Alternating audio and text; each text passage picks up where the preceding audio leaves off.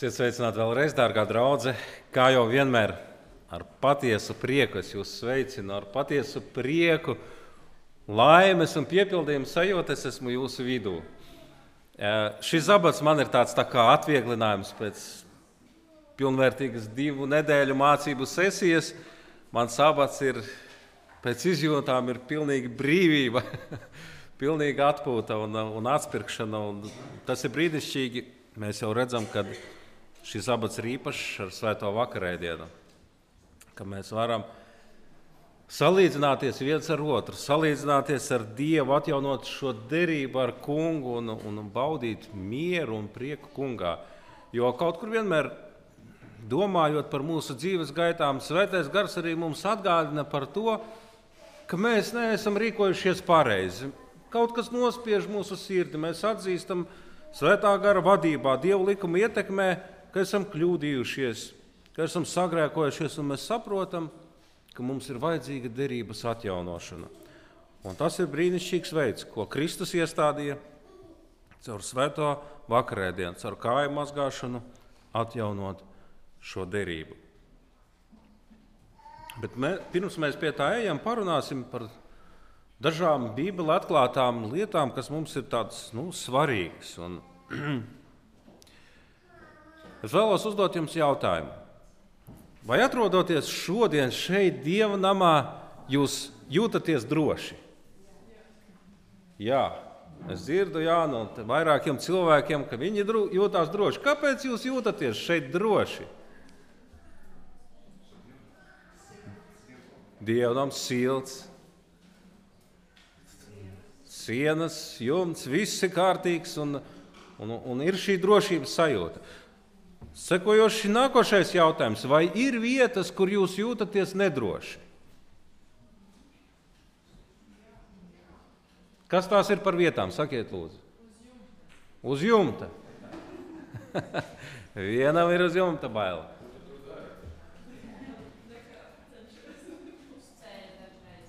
Uz ceļa. Kāpēc? Laikams tas slīdens. Kad mēs domājam par drošību draudzē, protams, mēs sienas, jumts drošs, šēka droša. Bet kāpēc mēs jūtamies droši? Primāri īstenībā ir tāpēc, ka mēs zinām, ka visi cilvēki, kas ir draudzē, viņi ir piepildīti ar mīlestību. Pret mums, pret līdzcilvēkiem. Mēs saprotam, ka viņu mērķis nav mums nodarīt pāri. Bet, kad mēs skatāmies ārpus draudzes, uz to, kas notiek apkārt un sabiedrībā, tad bieži vien tā nedrošības sajūta radās tā iemesla dēļ, ka mēs sastopamies ar to, ka kāda ir sabiedrība šodien? Ļauna sabiedrība. Un nedrošība mūsos uzmācās tieši no tā, ka kādreiz ir tādas vietas, kurās mēs nonākam, kuras ir bīstamas.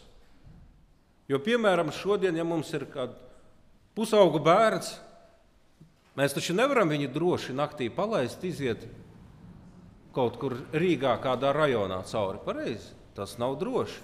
Tāpēc, mēs zinām, ka sabiedrība, kurā mēs dzīvojam, tā nav droša. Un, uh, diemžēl tā ir. Un ne tikai pilsētā mēs varam justies nedroši, bet arī apkārtējā vidē. Mm, pirms kāda laika man bija jābūt Latvijā, manos laukos, un man bija parādījušās brīvas pāris stundas. Kā jūs domājat, uz kurienes plānoju doties? Makšķerēt bija pirmais, bet es dzirdēju arī otru atbildi. Bez makšķerēšanas man ir vēl viena mīļa nodarbe - sēņošana. Un es gribēju doties, man bija tāds uzaicinājums. Es saku, dodamies sēņot. Ir divas stundas, varam sēnes ļoti labi augt. Bet es nedavos. Un ziniet, kāpēc? Tāpēc, kad iepriekšējā dienā man teica, viņš saka, dodamies sēņot. Bet, zini, vakar tajā rajonā tika manīts lācis. Un tā es tā domāju, nu, kā, nu, es nu, neesmu no tiem ļoti bailīgajiem cilvēkiem, bet es tā domāju, vairāk ne par, nu, par sevi. Nu, gribās jau redzēt brīvā dabā lāci, bet nu, tā sastapšanās nav tik ļoti liela tā vēlme. Un es tā domāju, man tomēr ir maza meitiņa, man tomēr ir sieva, par viņām jārūpējas. Un es domāju, ne, labāk es palikšu drošā vietā, ceņot nedošos, iztikšu bez tā. Un, un nedavos sēņot nu, šī iemesla dēļ, ka bija šī nedrošības sajūta. Un, kā jūs domājat, Nu, kādi ir bīstamākie dzīvnieki pasaulē? Jo, nu, piemēram, mums Latvijā parādās tagad lāči, jā, nu, vairs nav tik droši mežā iet. Bet pasaulē mēs zinām, ka ir visa pas, plašā pasaule. Kas ir tādi pēc statistikas datiem bīstamākie dzīvnieki pasaulē? Krokodils ir, jā. Ziniet, tūkstoš cilvēku katru gadu iet bojā no krokodilu uzbrukumiem. Vēl kādi varianti ir? Haizivis nav starp citu. Starp desmit bīstamākajiem nav. Čūskas ir 138,000. Nav. Nav. Lāči vispār nav starp desmit. Bet nu, ir lauvas, 200 cilvēki iet bojā katru gadu. Beigimoti 500 tūkstoši. Jā, es dzirdu ziloņu, tūlīt pateikšu jums 6. 500 cilvēki no begemotiem un 600 cilvēki no ziloņiem katru gadu iet pasaulē bojā. Bet ir liela priekštiesība, ka faktiski visus šos bīstamos dzīvniekus mēs varam redzēt drošā vidē, zooloģiskajos dārzos. Esat bijuši? Es arī pavisam nesen biju. Ļoti laba vieta. Var aiz restēm apskatīt no droša attāluma Mm, ar šo drošo restu palīdzību šos bīstamos dzīvniekus un redzēt, nu, kā Dievs viņus ir radījis un, un, un, tam līdzīgi. Un, bet nu, mēs zinām, ka sākotnēji viņi netika radīti, lai, lai no viņiem ciestu cilvēks, ietu bojā, lai cilvēks no viņiem baidītos. Mēs lasām pirmajā mūzes grāmatā, ka pirms grēkā krišanas cilvēks pārvaldīja visu zemi, visus dzīvniekus. Viņam nebija vispār no kā baidīties. Bet šodien daudz dažādu dzīvnieku mūs apdraud. Bet interesanti ir tas, ka praktiski visi bīstamākie dzīvnieki ir sastopami zooloģiskajos dārzos.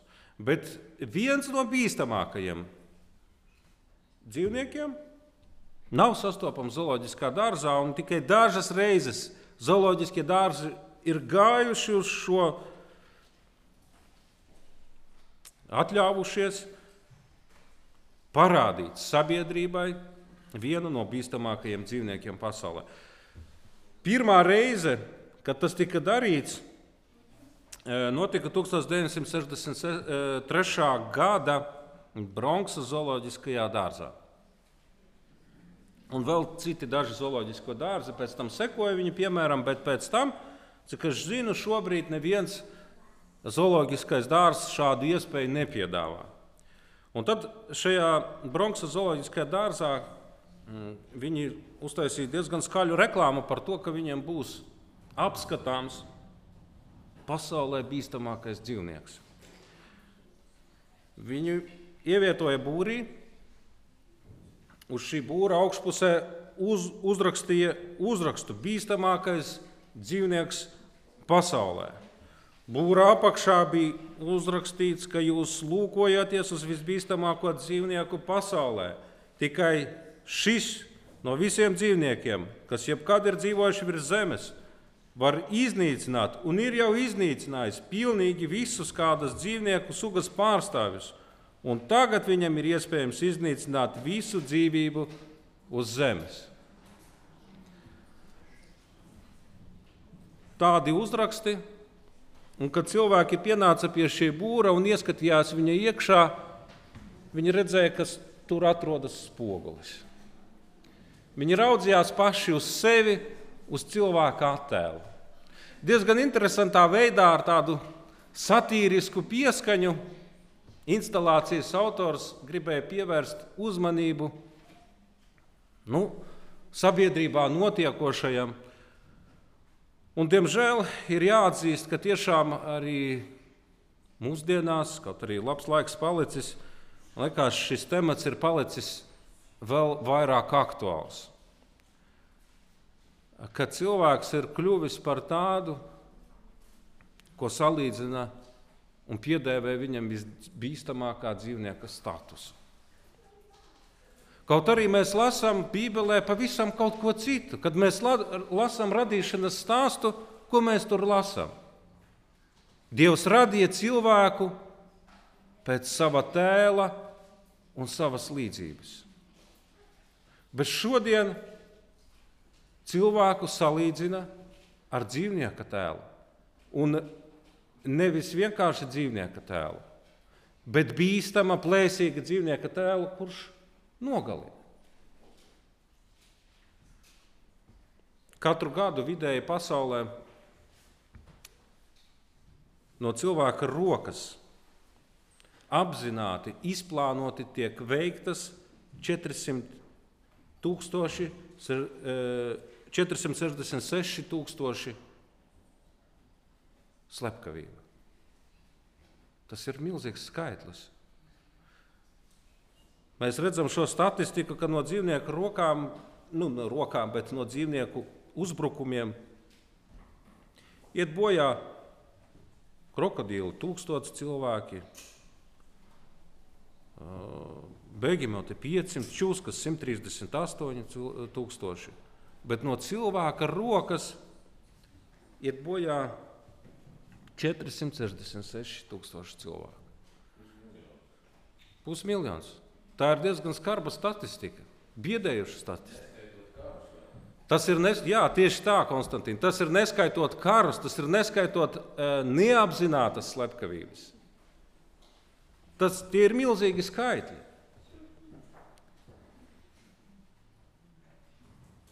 Un tas viss notiek pasaulē Iemesls ir mums dots skaidrs un atbildi Bībelē. Romiešu vēstules pirmās nodaļas 21. līdz 25. pants ir teikti šādi vārdi. Jo zinādami Dievu, viņi to nav turējuši godā kā Dievu, un viņam nav pateikušies, bet savos spriedumos krituši nīcības gūstā un savā sirds neprātā iegrimuši tumsā, saukdami sevi par gudriem, tiek kļuvuši par ģeķiem un apmainījuši neiznīcīgā dieva godību pret iznīcīgam cilvēkam un putniem, lopiem un rāpuļiem līdzīgiem tēliem. Tāpēc Dievs viņus, viņu sirdis kārībās nodevis izvērtībai, kurā viņi paši sākuši sagandēt savas miesas. Tāpēc, ka viņi dievišķo patiesību apmainījuši pret meliem un sākuši dievināt un pielūgt radību, atstājot novārtā radītāju, kas ir augsti teicams mūžīgi. Šī rakstvieta mums saka par cilvēkas, mor, cilvēces morālo samaitātību. Un viena daļa no šīs morālās samaitātības ir tas, ka cilvēks atļaujas necienīt cita dzīvību, cita intereses, Cilvēks ir atteicies no mīlestības pret cilvēku, jo mēs zinām, ja cilvēks kādu mīl, vai viņš viņam pāri nodarīs? Mīlestība pāri nenodara. Mīlestība viņa uztur, viņa sargā, viņa rūpējās, bet viņa pāri nenodara. Un šobrīd mums ar nožēlu jāatskārst, jāatskārst ka cilvēkos ir izdesusi mīlestība vienam pret otru. Un šis iemesls ir dot skaidrā atbildē. Kāpēc tas notiek? Tāpēc, ka cilvēki atstāja novārtā radītāju. Jo radītājs kungs ir tas, kas mums ir atklājis mīlestības priekšzīmi. Dievs mums māca, kā ir mīlēt. Mēs zinām, ka Viss likums un visa bauslība ir nopamatota divos mīlestības baušļos. Un visa bauslība sadalās mīli Dievu un mīli cilvēku. Bet šodien mēs redzam, ka cilv daudziem cilvēkiem mūsdienu sabiedrībā šīs lietas nav aktuālas.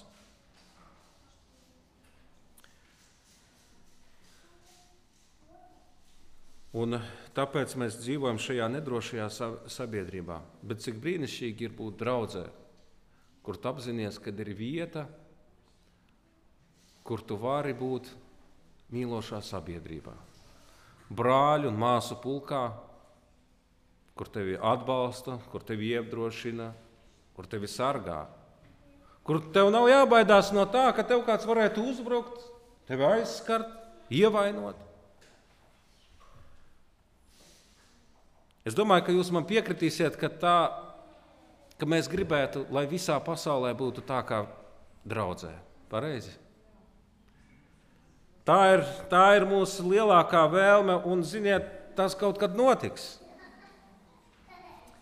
Jo debesu valstībā netiks neviens, kam nav mīlestības pret savu tuvāko. Debesu valstībā netiks uzņemts neviens, kas neizrāda mīlestību. 1. pētera vēstulē, 2. nodaļas 17. pantā, ir teikts, teikti daži vārdi, īsts teikums, kāds ļoti īpašs aicinājums. Bet cik viņš ir dziļš un plašs? Tur ir teikts, turiet visus godā, mīliet brāļu saimi, bīstieties Dievu un godājiet valdnieku. Tikai daži vārdi, bet cik plašu jomu tas ap, ap, aptver. Turiet visus godā, mīliet brāļu saimi un bīstieties Dievu. Ja tikai cilvēks, kas dzīvo pasaulē, ieklausītos šajos trīs vienkāršajos aicinājumos, mēs dzīvotu sabiedrībā, kurā mēs justos droši. Uz zemes nebūtu vietas, kurai mums būtu bail iziet cauri. Uz zemes nebūtu vietas, kurā mēs justos nedroši palaist mūsu mazos bērnus, mūsu jauniešus.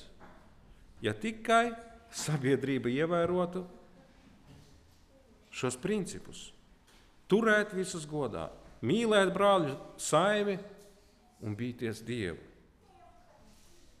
Tikai dažas lietas, un mums ir garantēta drošība.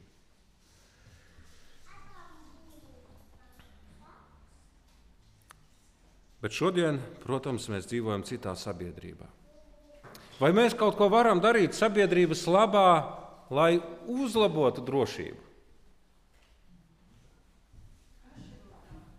Paši vēl tā, tieši tā. Tas, ka mēs dzīvojam ļaunā sabiedrībā, tas nenozīmē, ka viss ir beidzies, ka tagad ir bezcerība. Mūsu kā kristiešu uzdevums ir arī šai ļaunai sabiedrībai, kur ir atmetusi Dievu, kur nav viņu turējusi godā, atklāt mīlestības principus. Jau ziniet, daudzi cilvēki šodien, kas dzīvo pasaulē, neprot mīlēt. Un neprot mīlēt tikai tāpēc, ka viņi nav iemācīti mīlēt. Viņi nav saņēmuši mīlestību no līdzcilvēkiem. Viņi varbūt nav saņēmuši viņiem pienākušos mīlestību no vecākiem. Un tādēļ, ka viņi nav saņēmuši šo mīlestību, viņi nemāķi mīlēt. Un arī ļoti liela sabiedrības daļa nepazīst Dievu. Nepazīst Dievu kā mīlestības autoru, kā to, no kura izplūst visa mīlestība. Un, ja viņi nepazīst Dievu, tad viņi arī nevar iepazīt patieso mīlestību. Un mūsu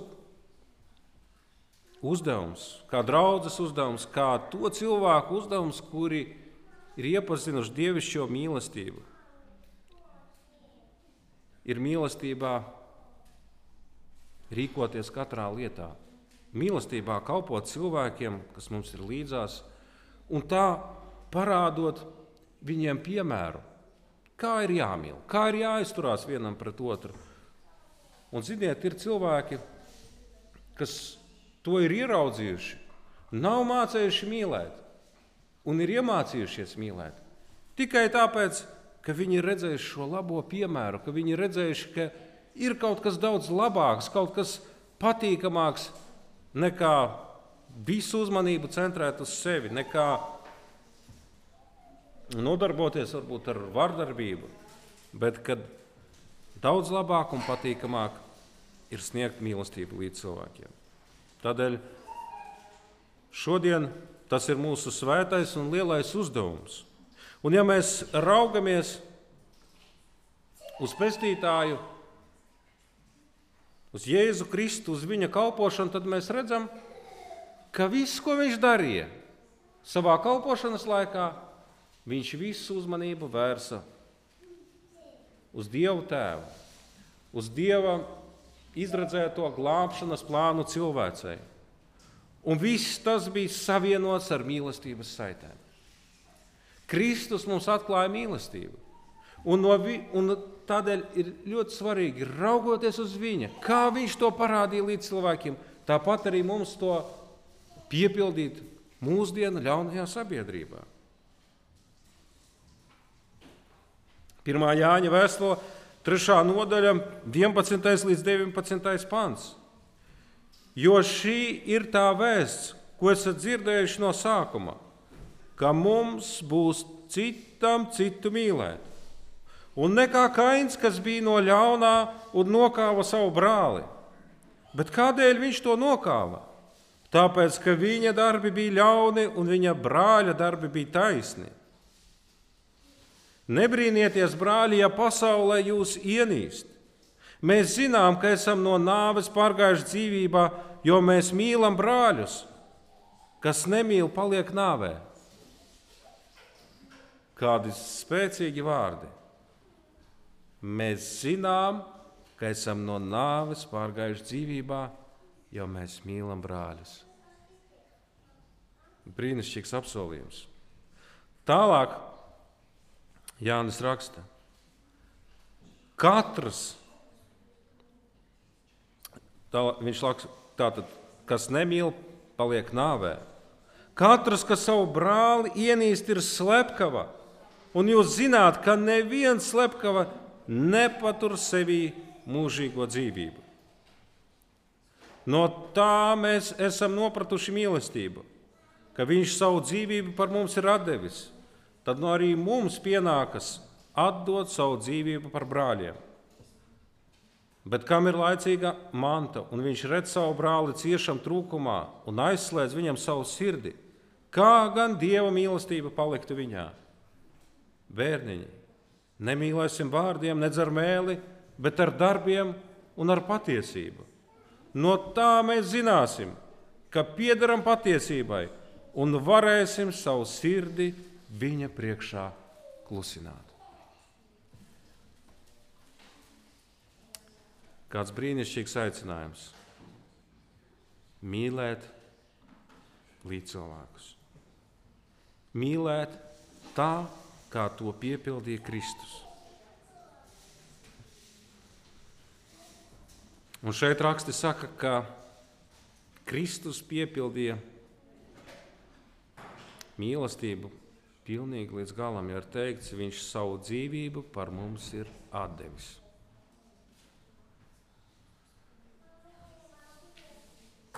Šodien neviens valdnieks, kas pārvalda valstis, neatdos savu dzīvību par saviem valsts pilsoņiem. Mēs redzam, ka šodien aizvien biežāk tiek vērsta uzmanība uz kara darbību. Un kas ir augstākā lēmējvara valstī, kas sūta karā? Tas ir valdnieks, tas ir prezidents. Viņš sūta uz nāvi,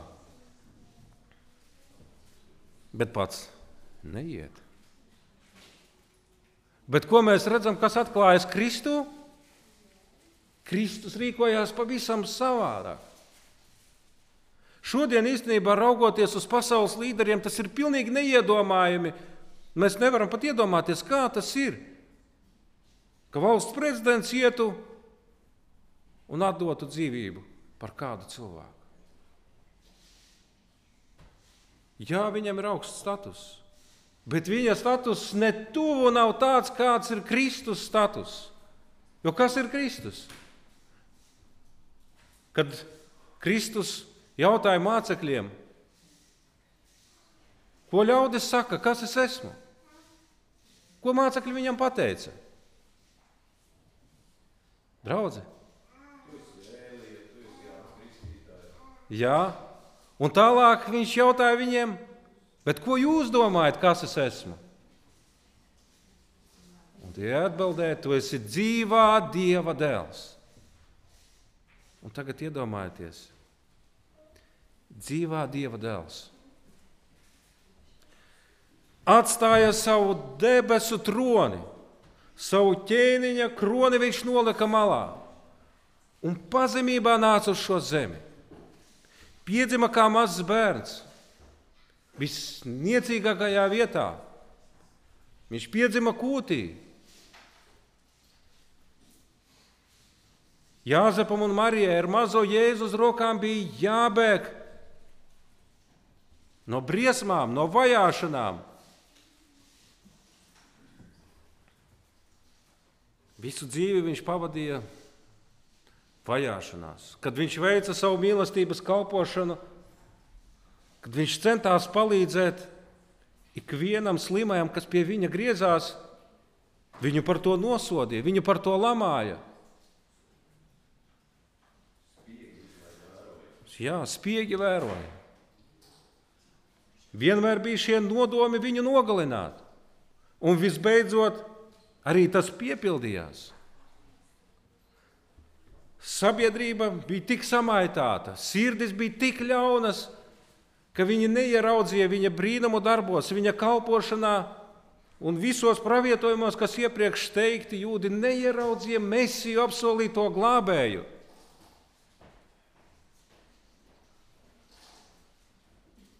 Un kad apmaiņā pret viņu tika piedāvāts baraba, noziedznieks, viņi teica, laidiet viņu brīvībā, bet Kristu, ko viņi teica, sitiet viņu krustā. Tāda bija sabiedrība pirms gandrīz 2000 gadiem. Un, ja mēs padomājam par sabiedrību, kurā mēs dzīvojam, es domāju, ka būtu tāpat. Ja Kristus kalpotu šodien, tad būtu tāpat. Ļaunā sabiedrība kliegtu, sit, sitiet viņu krustā un atlaidiet mums noziedzniekus, jo sirdis ir ļaunas.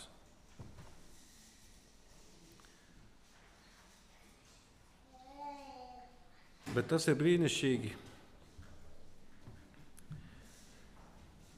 ka neskatoties uz to, ka Jēzum bija jācieš, ka viņu noziedznieki piesita krustā, viņš augšām cēlās. Lai mēs arī šodien varētu dzīvot ar augšām celšanās cerību. Viņš savā lielajā mīlestībā pret cilvēku gāja uz šo upuri, lai nomirtu par katru vienu no mums. Debesu kungs un ķēniņš ir devis savu dzīvību individuāli par katru vienu no mums.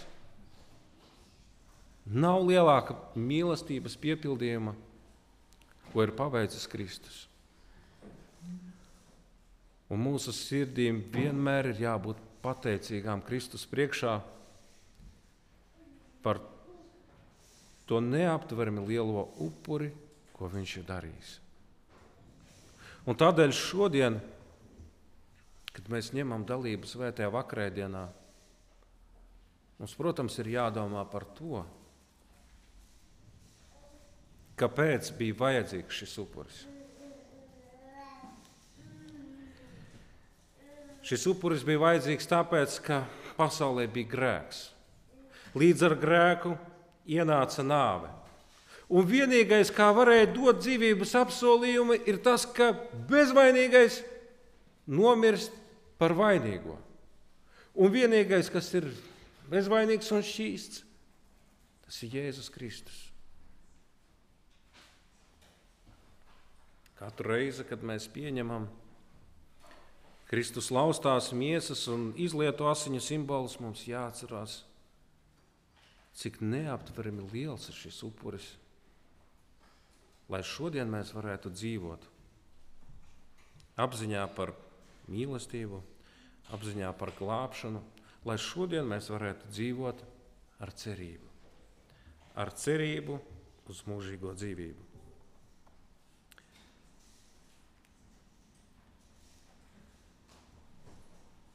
Jāņa evanģēlī 10. nodaļas 11. pants. Kristus saka, es esmu labais gans, labais gans, kas atdod savu dzīvību par savām avīm. Neaizmirsīsim šos vārdus, bet ierakstīsim tos dziļi savā sirdī. Turos, turēsim tos svētā atmiņā ka mūsu Kungs, Jēzus Kristus, ir labais gans, kas ir devis savu dzīvību par savām avīm, lai mēs varētu dzīvot. Āmen! Kungs, mēs pateicamies, ka šodien mēs varam piedzīvot taisnošanu un šķīstīšanu.